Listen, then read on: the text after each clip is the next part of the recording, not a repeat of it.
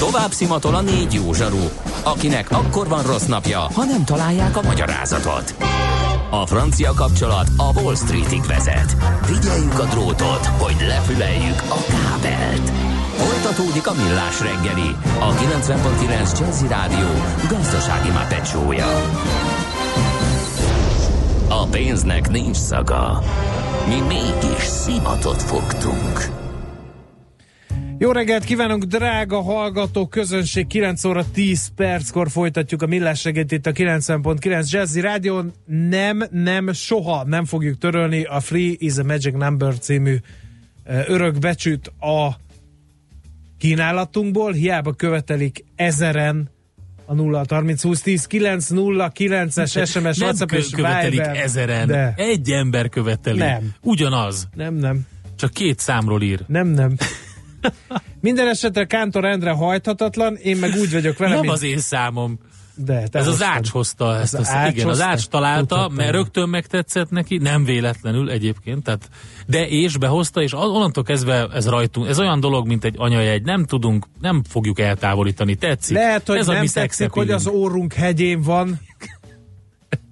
Ez a bizonyos a anyajegy. Hát- és hogy mindenki látja, de nem meri senki megkérdezni, hogy miért van Igen, ott, igen. de nem szedetjük le ezt Volt az egy híres magyar színész, akinek volt ilyenje. Az, aki a jó filmben játszott? az az, aki a, annak, annak volt a magyar hangja, aki az x a főszereplője volt.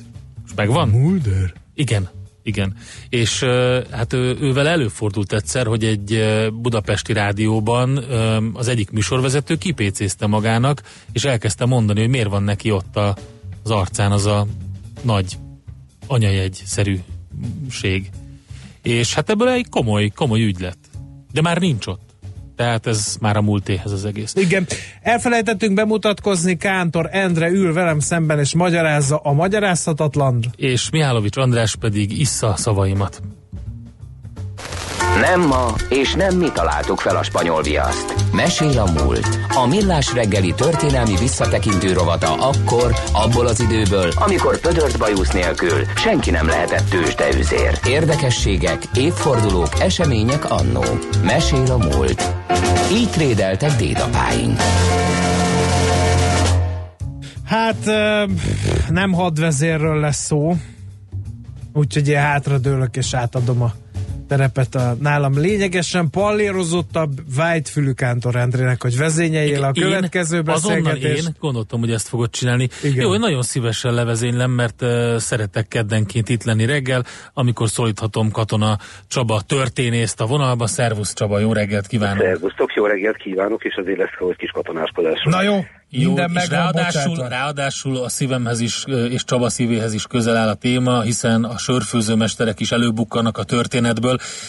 Na jó, szóval... Mit adtak nekünk a serfőző mesterek? Legyen ez a munka címe a mai Tej, beszélgetés. tejföld, bezviszmetana. Bedrich Smetana, kiről van szó, és miért fontos ő? Ő igazán a cseheknek fontos, hogyha nemzeti szempontból közelítjük meg, de hát azért a világzenéjének is rendkívül fontos alakja. Ugye Bezis Smetana 1824. március másodikán született, tehát közel 195 éve, ha jól számolom. És uh, tulajdonképpen azt lehet róla elmondani, ha egy mondatban össze akarom foglalni, hogy Antonin Dvorzsák mellett ő az, aki a 19. században úgymond a cseh nemzeti ébredésnek a zenei vonalát vitte. Tehát ha lehet olyat mondani, hogy nemzeti zeneszerző, na akkor ő az. És ezt abszolút tudatosan Tehát akkor vállalta. az lehet úgy bulvárosítani a hírt, hogy a csehek Erkel Ference? Tulajdonképpen igen. Aha. Ez, ez egy nagyon lényeges dolog, hogy uh, ugye a 19. század a, a nem negatív értelemben vett nacionalizmus, a nemzeti ébredés kora, és ő ennek, ennek a századnak a gyermeke, ugye 1824-es születésű, és 1884. május 12-én halt meg, tehát nem volt túl hosszú élete, 60 évet élt, de ebben a 60 évben nagyon-nagyon sok minden belefér, mind zeneileg, mind történetileg, mind a magánéletét tekintve és hát így végigtekintünk az ő életén, és uh, eljutunk ahhoz a sajátos dologhoz, hogy talán a legismertebb műve élete vége felé születik meg, akkor, amikor gyakorlatilag már süketséggel küzdik, hasonlóan, mint Ludwig van Beethoven, ami azért ugye bárki életében az csapás, de egy zeneszerzőjében hát különösen, akkor ez már úgy önmagában mutatja, hogy egy különös életúttal van dolgunk. És hát itt utaltatok mindjárt a sör tematikára, ugye, hogy az szerepet játszott az ő életében. Ő Litomysl városában látta meg a napvilágot, és hát az apukája az nem más volt, mint a serfőzőmester. František Smetana, mert is magyarokra fordítva Tejföl Ferenc, és hát sok gyermekes család egy igencsak sok gyermekes család. Konkrétan, ami a szerfőzőmestert illeti, ő hogy itt hollott dolgozott, akkor éppen Litomisben, ahol történetesen a Wallstein vagy Wallenstein bárói családnak volt a szerfőzője, 1823-ban költözött ide, és itt született meg egy évvel később a gyermeke. Egyébként maga a szerfőzőmester is tehetséges zenész volt, de ő azért a szakmáját gyakorolta. Volt olyan csetörténész kollégám, aki elfajzott gyermeknek nevezte Smetanát, mondta, hogy milyen dolog ez, hogy egy sörfőző gyereke az elmegy zenét írni, és hát akkor igen. a legkéresebb művelnek a moldva, ami vízből vált, tehát nem sörből. Micsoda dolog ez. Pedig ott volt a, gyakorlatilag a tejfelszerű habbal ellátva Franciska uh, finom söre. Francisek. Vagy Francisek, igen. Nem mindegy. Igen, nem bocsánat. Már Sörgyári kápricsóra kanyarodtam egy kicsit. Az meg Mariskán. Na de, ne utassuk el a színűzőt való vonzódását tisztelettel, több ok miatt se, mert például az egyik leghíresebb munkája az eladott megyasszony, opera, ez egy opera, és ebben egyebek mellett a falusi legények kara a következő énekli. Nincs jobb ital a szörnér, annyi aztán szent, a rossz kedvem tőle a pokolba ment, ez hozza meg ám a kurázsit, helyisztassza, helyisztassza, ha bántanak a gondok, felvidít a sör, és meggyógyít, hogyha a nyavaja tör, ki ezt tiszta többé nem ásít, helyisztassza, helyisztassza. Na, Szóval az apai, szavunk nem lehet. Az apai nyom azért mégiscsak ott munkálkodott az ő génjeiben, és ez megmutatkozott abban is, hogy mennyit fogyasztott és miből viszonylag sokat. Tehát a következőképpen képzeljék el az ő pályáját, hogy azért a zenét nagyon hamar kiderül, és hál' Istennek tanítatják, tehát hat éves korától már, már tanul zenélni. És uh, hallgatja a különféle zenéket, elkezd zongorázni, hát viszonylag vegyes fogadtatással fogadják a gyermek első koncertjét. Aztán elköltözik a család Jündi Hufradecbe, ugye ahol édesapja munkája, ahogy az diktálja. E, apró érdekesség, Gustav Mahler valamivel később itt kezdi bontogatni szárnyai, de hát ugye ez természetesen még nem befolyásolja őt. És aztán, ahogy az apa hol ide, hol oda költözik, hát egy idő után a gyermeket uh, ilyen olyan iskolákba adja, és uh, igyekezik pallírolódni az ifjú Smetana, aki mégis 1839-ben kiköt Prágában és Prágából aztán még tovább kerül, Novémesztóba, a nagybátyához, és akkor megint bejön a sörös történet, Pilzenbe kerül. Pilzenbe, a Premontrai iskola tanára ajánlja fel neki, majd őt tanítgatja, és hát egészen sokáig 1843-ig ott is marad Pilzenben, és ide aztán sikerül is beilleszkednie, szerelmes lesz egy Katerzsina Kolársová nevű hölgyeménybe, őt később feleségül is veszi. Több gyermekük születik, négy gyermekük, ebből három azonban gyerekkorában meghalt, tehát egy elég alakul a magánélete. Jelzem, a Pilsner Urka elkészítetett egy olyan reklámfilmet, ami arról szól, hogy az időszmetanához elmennek emberek, hogy írjon egy cseh nemzeti daljátékot, mire ködlőte uraim süket vagyok, viszont hogy letesznek elé egy korsósört, néhány cseppecske kipottyan a korsóból, ezeket elkezdi vonalal összekötni, megcsinálja a kottát, és ebből lesz a hazám, vagyis a mávlásztja, aminek ugye a legismertebb darabja a Moldva. Tehát még egy ilyen reklámban is éltek a sörhöz való vonzódásához. Zseniálisan összerakott. Kis 30 másodperces nit, de, de az ötlet zseniális. Na hát ennyit a sörről. Viszont Prágában elkezd kiteljesedni az ő művészet, és ígértem némi katonáskodást is. Hát az a helyzet, hogy 1848-ban Smetana bizony benne van a prágai felkelésben. Konkrétan nem csak zenét ír. Kardot kötött Smetana? Igen, és ez is érdekes, mert a csehekről mindig el szokták mondani, hogy hát a csehek nem is harcolnak. Meg ilyen alvérűek. Igen, meg hogy hány csehős kell, hogy megvédje a Rajcsi várát, hát nem tudjuk, mert még erre nem volt példa, meg hasonló. Nyilván, ha az ember ismeri a történelmet, és belegondol mondjuk a huszitákba, Jánoska teljesítményébe, vagy a, és akár egészen odáig, hogy Mátyás híres fekete segének a magvát is, ugye az egykori huszita harcosok alkották. Sőt, a harc modorra a huszitáktól Bizony, lett átvéve. Bizony. No hát 48-40 azért ekkora teljesítmény nem nyújtottak, de egy apróságot megemlítenék, hogy 1848. június 11-én kitört úgynevezett pünkösdi felkelés Prágában, és akkor a magyarok által nem annyira szeretett Alfred Candidus Ferdinandus Indisgrész herceg, császári királyi táborszernagy és a családja Prágában tartózkodik, egy véletlenül eltévedt golyó kioltja a herceg feleségének az életét, Eleonora Schwarzenbergnek az életét, ki pedig nem más, mint a éppen a miniszterelnök Félix von Untus Schwarzenberg hercegnek a legidősebb nővére. Tehát ilyen események is vannak Prágában, és nagyon érdekes abba belegondolni, hogy az általunk nem szeretett Indizsét herceget egy családi tragédia éri 48-ban. Ott konkrétan Prágában. És a legendák szerint állítólag egy gyerek játékágyújából elsütött apró lövés volt meg, ami vagy igaz, vagy nem, ezt nagyon nehéz ellenőrizni, de hát nem is ez a témám most, hanem Smetana. Na hát mi lesz Smetanával? Megúszza, tehát nem éri őt különösebb retorziós, őt 49 végén megnősül, sorban születnek a gyermekek, sőt fogja magát és megteszi azt a, azt a bátor lépést még 1848-ban, levelet írt példaképének Liszt Ferencnek ahol uh, neki ajánljuk új zongora versenyét, sőt pénzt kért tőle, hogy zeneiskolát nyithasson. Uh, Liszt kettős választ ad neki, egyfelől megköszöni a dolgot, és igyekszik uh, a segítségére lenni, pénzt nem tud adni. Ezzel együtt viszont kialakul köztük egy, egy elég komoly szakmai kapcsolat, sőt, mondhatnék barátság is, ami aztán oda vezet, hogy többször meglátogatják egymást, hol itt találkoznak, hol ott. 1865-ben például Smetana keresi föl Pesten lisztet, és el is megy egy próbára, ahol ugye Liszt éppen vezényli a zenekart, és innen csak az idézem Smetanát. Liszt vizsgáló tekintette végigpásztázta a közönséget. Minden engem megpillantott, én pedig meghajoltam előtte, gyorsan félretette a karvasteri pálcát, leugrott a pódiumról, odaszaladt hozzám, és az összegyűlt csodálkozó nézők szeme láttára megölelt és megcsókolt. Ezért mondhatni, egy bizalmas kapcsolat, ugye? Tehát Igen, ráadásul nem, nem jött rosszul szerintem Smetanának ez elég komoly támogatás jelentett. Többször találkoztak aztán Weimarban és egyéb helyeken is, tehát mondjuk úgy, hogy Smetana kibontakozásához Liszt elég komoly segítséget jelentett. Ezzel együtt nem ért révbe az élete, olyan értelemben nem, hogy említettem, hogy ugye a leányai sajnos meghaltak, tehát a négy leányából, ha jól emlékszem, három. Közülük volt az is, aki volt egy olyan csak Petriska nevű leányzó, aki nagyon tehetségesnek mutatkozott a zenélésben. Édesapja a triót írt az emlékére, de hát nyilván ez nem tudta begyógyítani a sebet. És ezekkel a tragikus magánéleti dolgokkal együtt, plusz a bakrendszer nyomasztó hatására végül is úgy döntött, hogy elhagyja Prágát, idézem, Prága nem ismer el, így itt az ideje, hogy tovább lépjek, és Svédországba Göteborgba megy ami azért egy elég nagy lépés, és ott eltölt pár évet. Ez egy érdekes egy... döntés, hogy miért pont oda? Hát azért Svédország sem pesgett abba az időbe annyira, hogy... Ott, ott kapott lehetőséget, fogalmazunk így, e, viszont fölveszi a tempót. Olyan értelemben például, hogy mi többször emlegettük a Moldvát, ugye, mint a leghíresebb tételét a Marlásnak a hazámnak, na az például a svéd népdalra írta, tehát annak a nyomán. És akkor látjuk, hogy van egy abszolút nemzeti dal, és, és a zeneszerzőnek úgymond a lelke a Svédországba termékenyül meg, hogy szépen fogalmazzak.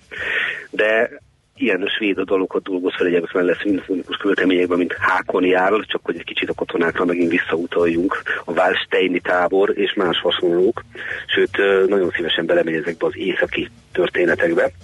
De hát Svédországban sem tudja megtagadni magát, miközben a felesége beteg. Ott is lesz egy szeretője, aki aztán különféle zeneművek megírására sarkalja ezzel együtt hazatér, és hazatérte utána 1859-ben a felesége Katerzsina meghal.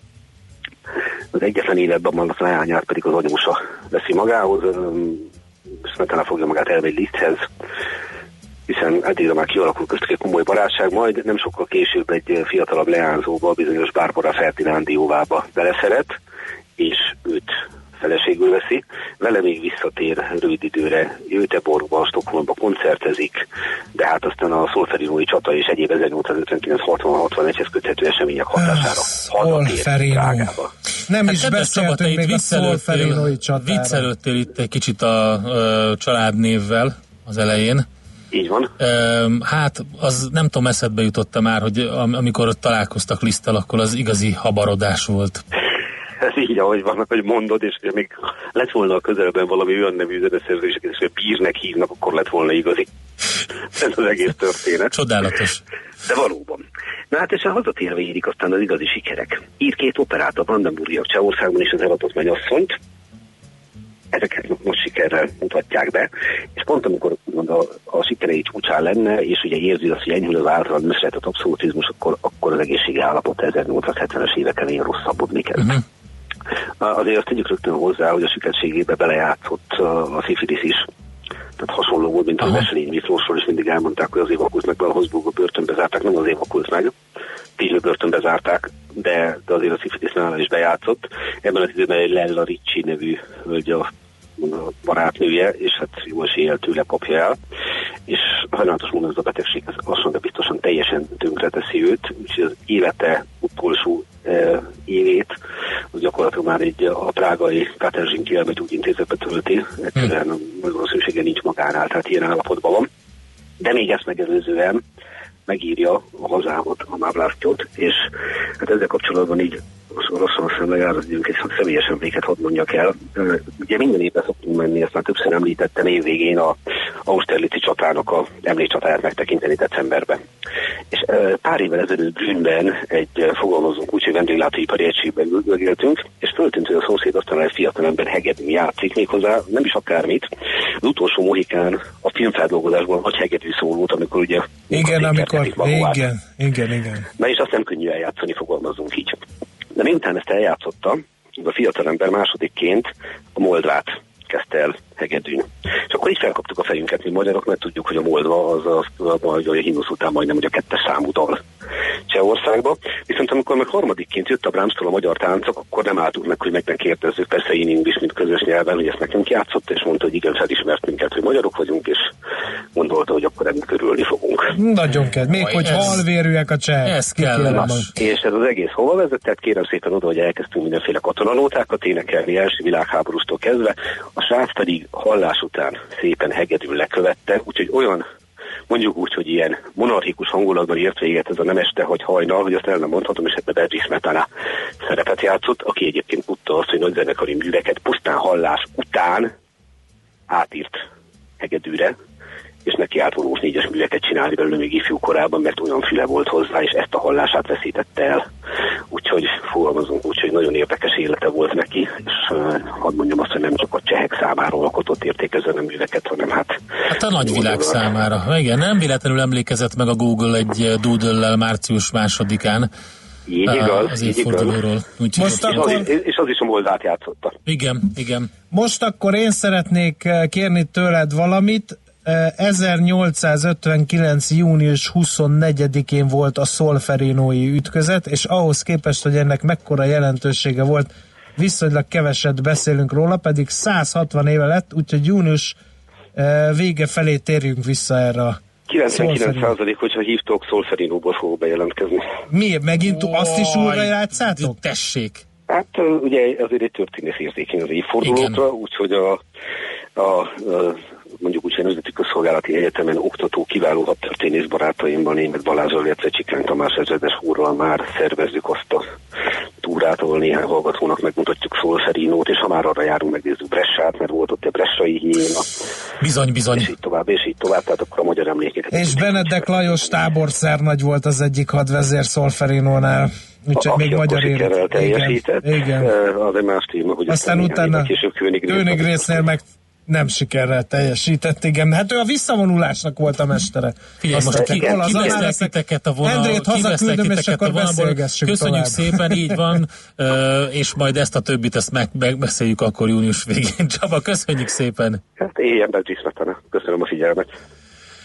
Katona Csaba történész beszélt nekünk Bedris Smetanáról, természetesen a halálának évfordulója kapcsán E, illetve bocsánat, nem, mert hogy e, a születésének az évfordulója kapcsán nem minden. E, 1824-ben március másodikán e, született tehát a zeneszerző.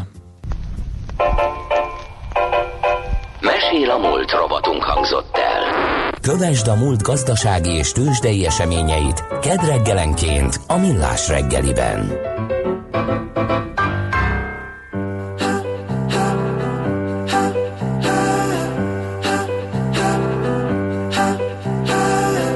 tonight.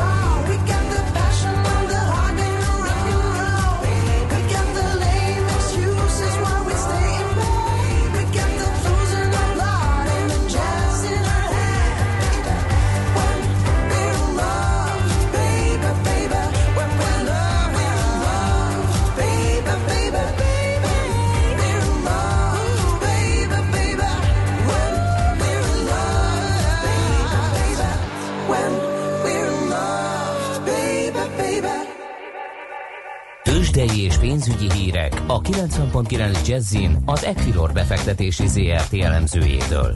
Equilor, a befektetések szakértője 1990 óta. A vonalban itt van velünk Varga Botond, üzletkötő, szervusz, jó reggelt kívánunk! Sziasztok, köszönöm a hallgatókat. Na milyen a hangulat a béten? Egyelőre enyhén pozitív. Az OTP a tegnapi csúcsdöntés után ugye 12 ezer forinton zártak a részvények, egyelőre stagnál, ugyanígy 12 ezer forinton van. A molnál kisebb mértékű emelkedést látunk, 3258 forint most a árfolyam. A Richternél közel 1, 1 százalékos már az emelkedés, 5330 forint jelenleg egy Richter részvénynek az ára. Magyar Telekomnál minimális visszaesést látunk, 469 forinton állnak a részvények.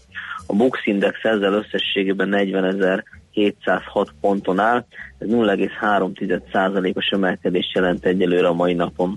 Aha, értem. E, forgalom tekintetében mit mondhatunk a Bétről? Közel egy milliárdos forgalom Na. van már most, ez egy kicsit átlag fölöttinek mondható. Igen, igen, ilyen Úgyhogy, 700 ö, milliót szoktunk meg a napokban, úgyhogy Igen, igen, ilyen 6-700 így ö, fél tíz körül, úgyhogy van, van most étvágy, úgy látjuk. Ö, Kijött ugye egy pozitív adat, még itt a KSH-tól 9-kor a kiskereskedelmi forgalom 5,4%-kal nőtt januárban, ez meghaladja a korábbi adatot is, ami 4,1% volt, illetve 3,9%-ot ö, vártak, tehát azért ez egy pozitív meglepetés volt, és a forint is tudott erősödni, meg ugye a Bux is pozitívan indult így egyelőre.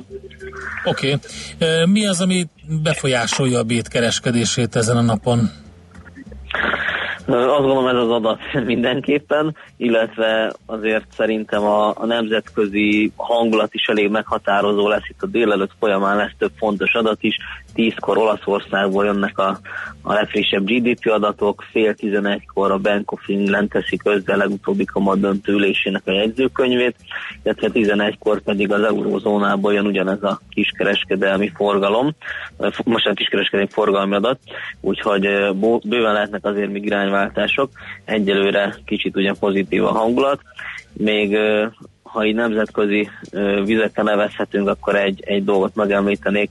Kínába közé tették az idei évre vonatkozó GDP előrejelzést. Na. Ez egy kicsit alacsonyabb a, a tavalyi 6,6%-hoz képest, idén 6-6,5%-ot várnak, amennyiben ennek a sávnak az alja valósulna meg, az több évtizedes negatív rekord lenne.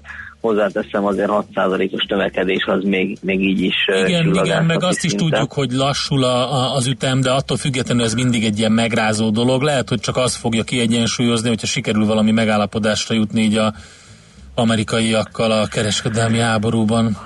ahhoz pedig elméletileg elég közel kerülnek, vagy kerültek már, elég valószínűleg lesz megállapodás, inkább az lesz szerintem most már a kérdés, hogy akkor mikor törölnék el Uh-huh. a kínai árukra kivetett vámokat, illetve hogy ezeket az ígéreteket, amit, amiket Kína lefektet, mikor, hogy teljesítik, hiszen ezeknek a számonkérés akár hónapokban vagy években is telhet, de egyelőre a, a hangulat szempontjából, piacok szempontjából ö, inkább pozitív ez egyelőre. Jó, jó, szuper.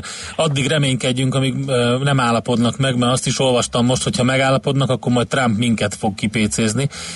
És akkor mi, mi jövünk? Bármi elképzelhető. Ugye? Na jó, oké, köszönjük szépen az információkat, jó munkát nektek, jó kereskedést. Jó munkát nektek is, és a hallgatóknak is szép napot mindenkinek. Varga Botond üzletkötővel beszélgettünk. Tőzsdei és pénzügyi híreket hallottak a 90.9 Jazzin az Equilor befektetési ZRT elemzőjétől. Equilor, a befektetések szakértője 1990 óta. Műsorunkban termék megjelenítést hallhattak. Stílusosan kötetlen, a legmélyebb dolgokat is közérthetően tálaló, szórakoztató, kulturális talkshow, immáron hetente háromszor. A Jazzy Hungarikumban megszólaltatjuk a hazai zenei élet színét javát. Itt vannak velünk a legnagyobb bászok és a reményteljes titánok. Elmondják, hogy gondolják, és ami fontosabb, el is muzsikálják. Sőt, időről időre exkluzív élő koncertekkel jelentkezünk a stúdióból. A magyar jazz legfrissebb híreivel, a legújabb jazz felvételekkel és kötetlen beszélgetésekkel vár mindenkit a szerkesztő műsorvezető, Bokros László. Jazzy Hungarikum a 90.9 Jazzin vasárnap, hétfőn és kedden este 7 órától. Igen, immár háromszor egy héten. Hiszen tudják... Na szól a Jazzy, van egy jó napom.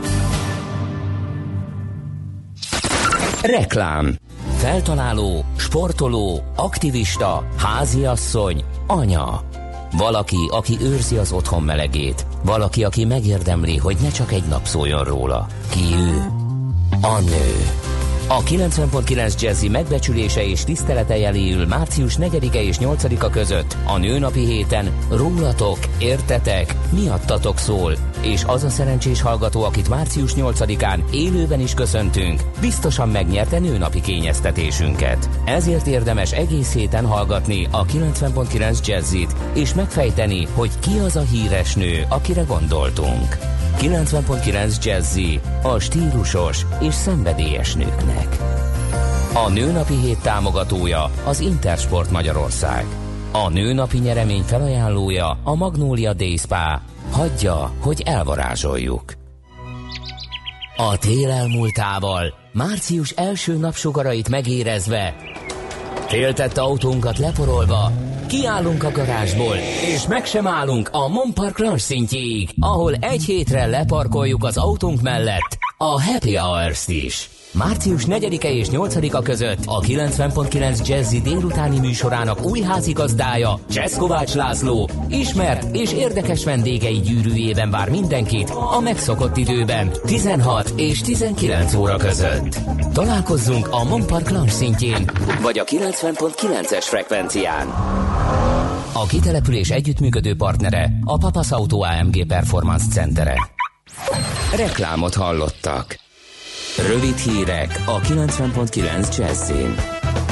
Egyre jobban nő a magyar párok gyermekvállalási kedve. Felmérések szerint ma Magyarországon 100 párnak átlagosan 149 gyermeke születik. Szakértők úgy vélik, a kormány családvédelmi intézkedései megteremtik azt az anyagi biztonságot, amely tovább növelheti a gyermekvállalást. Az a cél, hogy 100 párnak 200 gyermeke szülessen. Másfél milliós orvosbérrel, átlátható várólista-rendszerrel és szigorú orvosetikai szabályokkal számolná fel a paraszolvenciát az újratervezés elnevezésű társaság. Az ömében az 1001 orvos hálapénz nélkül csoportból szerveződő, ma már több mint 100 doktor tömörítő közösség most hirdetett programot. Elsősorban szakmai kamarájuk belső reformjához szeretnék megnyerni kollégáikat. A csoport keményebb érdekvédelmet és puritán gazdálkodást vár a kamarától. Minden negyedik pályakezdő külföldi munkát tervez a következő öt évben, ez derült ki az orvos és egészségtudományi szakokon végzettekről. A friss diplomás orvosok, fogorvosok és gyógyszerészek harmada öt éven belül külföldre menne, az egészségügyi alapszakokat végzett pályakezdők közül pedig minden negyedik dolgozna egy másik országban, derül ki a felsőoktatási elemzési jelentések friss tanulmányából, amelyet a felvi.hu-n tettek közzé. A legkevesebben a mesterszakos diplomával rendelkezők közül mennének más országba, a megkérdezettek 13 13%-a számolt be arról, hogy fontolgatja a külföldi munkavállalást. A bizonytalanok aránya is magas, több mint 30%-os. Változik a homeopátiás gyógyszerek kiadása. A Magyar Gyógyszerészeti Kamara elnöke a világgazdaságnak elmondta, március közepétől a gyógyszerészeknek tájékoztatót is adniuk kell a készítmények mellé. Ezen szerepelnie kell annak, hogy a termék hatásossága nem bizonyított, valamint hogy a szedése nem helyettesíti az orvossal történő konzultációt. Esélyegyenlőséget biztosító irodát hozott létre az EP választásra a közmédia. A távirati iroda híre szerint feladata lesz ellenőrizni, hogy a közmédia médiatartalom szolgáltatásai az európai parlamenti választás és a kampány ideje alatt is megfeleljenek a közszolgálati kódex előírásainak és a vonatkozó jogszabályi rendelkezéseknek. Ma szavaz az országgyűlés a pulpitus foglaló ellenzékiek büntetéséről. A képviselők egy havi tiszteletdíjukat bukhatják. Az ellenzéki képviselők december 12-én elfoglalták a parlament elnöki pulpitusát, hogy megakadályozzák a túlóra törvény elfogadását. A múlt hét során a házbizottság zárt ülésen tárgyalta volna egyebek mellett a büntetés összegét, az ellenzék azonban közbelépett. Továbbra is rekordokat dönt a hazai turizmus. A Magyar Turisztikai Ügynökség vezérigazgatója a Magyar Hírlapnak elmondta, 2010 óta folyamatosan bővül az ágazat teljesítménye, amely annak köszönhető, hogy Magyarország biztonságos és kiszámítható úti cél. Buller Zoltán hangsúlyozta, tavaly leginkább a belföldi turizmus erősödött, több mint 6,5 millióan utaztak belföldön, 5%-kal többen, mint egy évvel korábban. Az időjárásról ma már egyre több felé kisüt a nap, a szél ismét feltámad, az északi megyékben helyenként viharossá fokozódik, délután 10-15 fok között alakul a hőmérséklet. A hírszerkesztőt László B. Katalint hallották hírek legközelebb fél óra múlva. Budapest legfrissebb közlekedési hírei, itt a 90.9 jazz Budapesten baleset nehezíti a közlekedést a Terész körúton a Margit híd felé a Nyugati tér előtt, a Soroksári úton a Közraktár utca felé a Boráros térnél, valamint az 5. kerületben a Kálmán Imre utcában a Szemere utcánál. Zsúfoltság van a Margit hídon és az Erzsébet hídon Pestre, a Lánchídon Budára, a Kerepesi úton a Róna utcától a Hungária körútig, valamint a Váci úton a Fóti úttól az Árpád útig. A Dózsa György úton a Lehel utca és a Szabolcs utca között irányonként csak egy sáv járható aszfaltozás miatt. Pongrász Dániel, BKK Info. A hírek után már is folytatódik a millás reggeli, itt a 90.9 jazz Következő műsorunkban termék megjelenítést hallhatnak. Következzen egy zene a millás reggeli saját válogatásából. Music for Millions.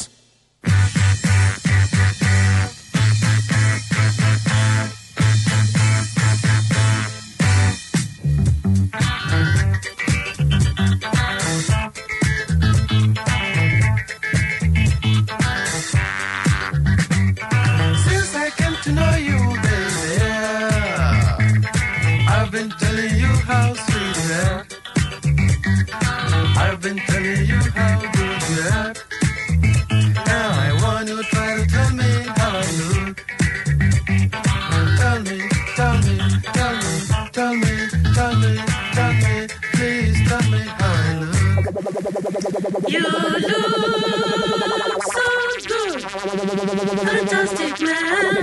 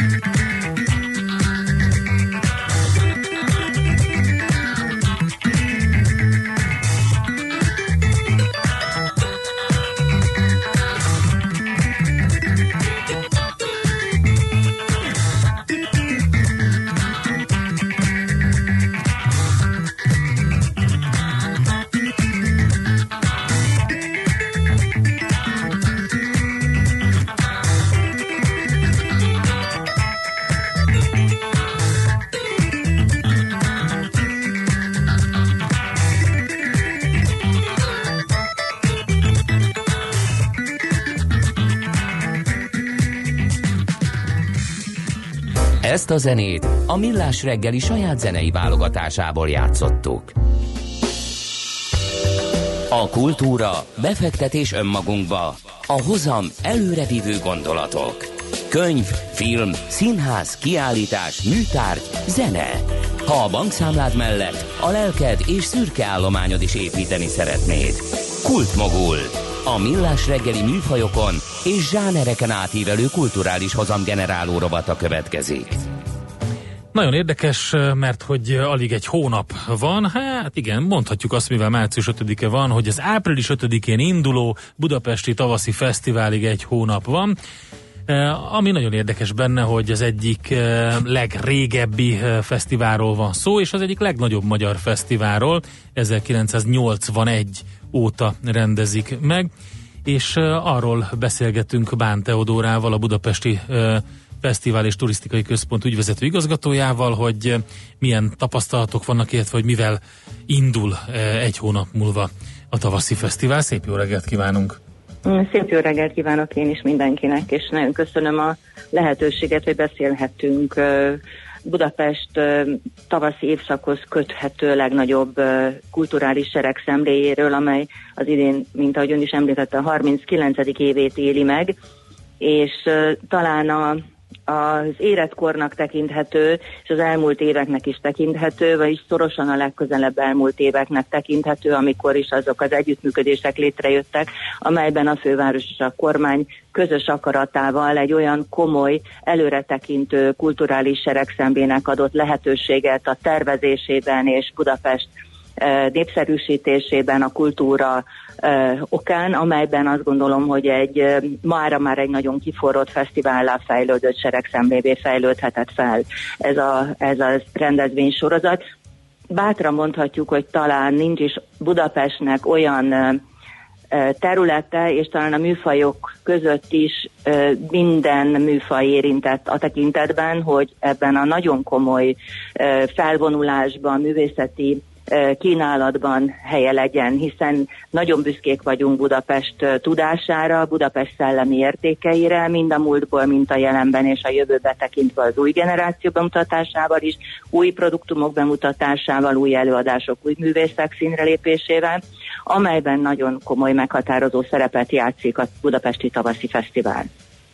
Oké, okay, nézzük akkor azt meg, és ez nagyon jó volt, hogy említette, hogy most gyakorlatilag már ilyen művészeti, tehát ilyen különböző kategóriákon, zsánereken ível át, ahogy itt a, a szignálunkban is volt, hogy, hogy eh, hogy változott az elmúlt eh, években, akár hogyha vissza, vissza is mehetünk egy röpke pillanatig a, a kezdetekre, hogy hogy változott a fesztivál felépítése, és mi az, ami hozzácsapódott az évek alatt, és mi az, ami, ami mássá e, teszi azokat a fesztiválokat, ami, vagyis rendezés sorozatot, ami, ami most kerül megrendezésre. Talán, hogyha a kezdetek kezdetére tekintünk vissza, ugye annak okán jött létre a Budapesti Tavaszi Fesztivál, abban az adott időszakban, amikor, a, amikor Budapest kevésbé volt az idegenforgalom szempontjából ebben az időszakban látogatott, azaz a szállodaipar indította el, a szálloda indította el, a Kis nevéhez kötődik egyébként az első megálmodott Budapesti Kulturális Tavaszi Fesztivál, hiszen ő már ezelőtt 39 évvel látta és tudta, hogy igenis Budapestre a motiváció, hogy valamilyen módon az ideérkezők, vagy ide érkezzenek a külföldiek, azt annak okán fogják megtenni, hiszen nagyon nagy a kínálat különböző kontinensek, de Európán belül is, ebben az időszakban is, ami, aminek okán itt találnak olyan különlegességet, olyan kulturális tartalmat, olyan értékeket, amit máshol nem, vagy számukra ez igen kedvező lehet, hiszen különböző korosztályokra is gondolva, de elsősorban itt a, a jól fizető érkező vendégekre gondolt a, a szállodai szakma, és a klasszikus zenei koncertek, klasszikus zene, az operák, a kom- koncerttermekben történő nagy koncertek lettek, vagy kamarakoncertek voltak elsősorban fókuszban. Azóta ez nagyon sokat változott és fejlődött, és napjainkban ma már a könnyű zenén keresztül a crossoverig, a színházi bemutatókon keresztül nagyszabású képzőművészeti kiállítások nagy terekben, eh, galériákban, a jazz és a tánc, a balett mindenképpen helyet kapott. Természetesen a legnagyobbak mellett, mint ami az opera, a balettműfaj, a klasszikus balettműfaj, vagy a koncerttermek nagy szimfonikus koncertjeire gondolok itt, és ebben az évben is ugye az elmúlt éveknek köszönhetően egy komoly, nagyon fontos szerepet is betölt a fesztivál annak okán, hogy Budapesten van, magyar fesztiválról beszélünk, hiszen a név, amely Liszt Ferenc, azt gondolom, hogy Európában mindenhol ismert, és az ő életműve, az ő meghatározó egyénisége szerepe a zenei kultúrában, a magyar zene kultúrájában is összeköt minket Európával, tehát az állandó tematikánk Liszt Ferenc, és erre nagyon komolyan készülnek azok az előadók, azok az előadóterek, ahol Liszt Ferenc művei is elhangoznak, valamint minden évben egy-egy újabb fókuszpontot is beemelünk, és az idén az orosz kultúra, hihetetlen gazdagságú orosz kultúra kiemelkedő művei és művészei állnak a középpontban. Nagyon jó, hogy több mindent említett, és az is, hogy kicsit bele nézegettünk abba, hogy mi lesz az idei fesztiválnak, vagy mik, mik lesznek az idei fesztivál programjában. Ezt egy kicsit bővebben is nézzük meg, de első kérdésem, vagy előtte az lenne, hogy mennyire, mennyire célközönség a, a külföldi ide látogató turisták, mert én azt ö, látom, hogy azért vannak, akik kimondottan olyan célral jönnek Budapestre, hogy részt vegyenek a, az egyes fesztivál kínálta ö, programokon. Igen, hiszen én a Budapesti Fesztivál és Turisztikai Központnak vagyok a vezetője, ami ugye a szó, a fesztivál és a turisztika, ez úgy, úgy egy címben szerepel, ami nagyon fontos, azt gondolom, nagyon kevesen figyelnek erre fel, hiszen a, a turizmus jelentősége abban rejlik, hogy mi az, amit a város produktumként szellemi értékben Mhm. tud nyújtani. És ezek a fesztiválok, azok a fesztiválok, amely nagy nemzetközi érdeklődésre például számot tartanak, és a fesztiválon belül azok a művészek, azok a produktumok, azok a termékek, amelyek érdekesek lehetnek bármely világ másik részéről is nézve, de jellemzően Budapestre e, mutatnak, és egyébként e, nagyon szeretném itt most gyorsan meg is említeni, hiszen Budapest nagyon jól teljesített így az elmúlt időszakban is, mert 2019 Európa sportfővárosa lett Budapest, ami egy egész éves nagy programsorozatot is rejt magában, ahol nem csak nagy ED és VB rendezvények vannak, hanem a köztereken a városlakók számára az egészséges életmód okán is a kultúra és a sport találkozásáról, valamint Európa destinációja, legjobb destinációját nyerte el 2019-ben, 2019 ez évben Budapest. És nem véletlenül, hiszen azok a négy évszakos fesztiváljaink, amely idén most, a, vagy idei eh, aktualitásként a tavaszi fesztiválról beszélünk, de a nyárnak ott van a Budapesti Nyári Fesztiválja, azaz a Margit Szigeti Színháznak a nagy produkciói, igazi, komoly nagy felvonulása a kulturális külföldi és hazai életnek, valamint a Kortás Fesztivál, ami az ősszel, és ne felejtsük el azokat a tradicionális nagy hagyományokra épülő, Kárpát-medencei értékeire épülő, nemzetközileg ér, ne, komoly érdeklődést kiváltó fesztiválok, mint ami a téli fesztivál az adventi időszakban. De ugye április 5-én indul a tavaszi fesztivál, és április 7-én indul egyébként a budapesti tavaszi vásár, ami három helyen Budapesten, a Korzón, a Deák téren és a Fővám téren kerül megrendezésre, szintén a kultúra, a magyar kultúra, a magyar szellemi értékek kapnak a kézművesség mellett főszerepet. Hát azt tudom, hogy egy fesztivál gazdájának, egy szervezőnek olyat mondani, hogy emeljünk ki a programok közül legérdekesebbeket nem lehet, de, vagy nagyon nehéz. De azért mégis cse- csemegézzünk, akkor néz- nézzük meg azt, hogy, hogy a, akkor teljesen szubjektíven melyek lesznek a, az idei tavaszi fesztivál Ugye, mint legérdekesebb említettük, a, az orosz fókusz az Mhm. idén nagyon erőteljesen jelenik meg, és rögtön az indulásnál Muszolszki Hovans csinájával indítjuk el a fesztivált, és zárásként is egyébként Csajkovszki Jolantája, tehát egy-egy orosz mű szerepel, és ott középen valahol Prokofjevnek pedig a hamupipőke, a Mar- Marinsky Színház vendégjátékával, Marinsky Színház opera és szimfonikus zenekar, vagyis a, a balettársulatán, a Valér Gergiev érkezik meg, aki hát nem szeretném ezt most, mert valószínűleg mindenki ismeri, hiszen ő fémjelzi egyrészt az orosz kultúrának azon értékeit, amelyet a világ számos nagy koncerttermeiben bemutatott, és, és az ő fantasztikus személyisége, egyénisége azt gondolom, hogy abszolút fémjelez, és ő érkezik ide hozzánk a Budapesti Tavaszi Fesztiválra, azt gondolom ennél nagyobb ünnep nem is lehet. Ugye világszárokat említettünk, néhány a balettet, a táncot, a képzőművészetet mindenképpen fontosnak tartom. Michelangelo kiállítással nyitunk április 5-én a Szépművészeti Múzeumban, de a Budapest Art Weekben 90 helyen, nagy múzeumokban, galériákban 90 kiállítás nyílik egyszerre Mhm. meg, gyakorlatilag egy héten keresztül látogathatók egy karszalaggal ezek a produkciók, de említhetjük a kortárszenét, említhetjük a jazz és a világzenét is egyben. A táncban azt gondolom, hogy nagyon fontos, hogy a fiatalok is bemutatkoznak, Goda Gábor, vagy Góbiritának, vagy a Bázel Balettnak a a Tejre című produkciója érkezik, de egyébként Kórai Nép- eh, Nemzeti Táncegyüttes is érkezik hozzánk, vagy Emmanuel Gertnek a Sunny egy koncertszínház, ami azt gondolom, hogy így az érdeklődési kör és a korosztályok tekintetében, így a műfai sokszínűségben és a kiválóságok felvonultatásában minden egyes műfajban nagyon-nagyon komoly szerepet tölt be. Én nagyon bízom benne, hogy ez minden egyes fesztivál egy olyan hagyatékot hagy, egy olyan erőt ad azon művészeknek, akik itt járnak Budapesten, és azoknak a fiataloknak, akiknek lehetőségük van ezzel az bemutatkozni, amely az ő jövőjüket építi, és így a Budapest, mint világváros jövőjét is építi. Fú, nagyon szépen köszönjük ezt a kis uh, szemezgetést a uh, egy hónap múlva induló Budapesti Tavaszi Fesztiválról, meg a beszélgetést is. Sok sikert a programokhoz. Nagyon szépen köszönjük.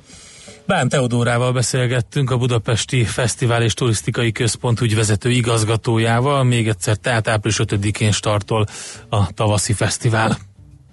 Kultmogul. A millás reggeli műfajokon és zsánereken átívelő kulturális hozamgeneráló rovata hangzott el. Fektes be magadba, kulturálódj!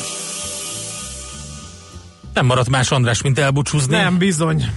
Jövünk holnap is természetesen, Én nem... Uh, mármint hogy a millás reggelivel majd csütörtökön. 6.45-től. mi lesz a gasztrórovat be, Endre?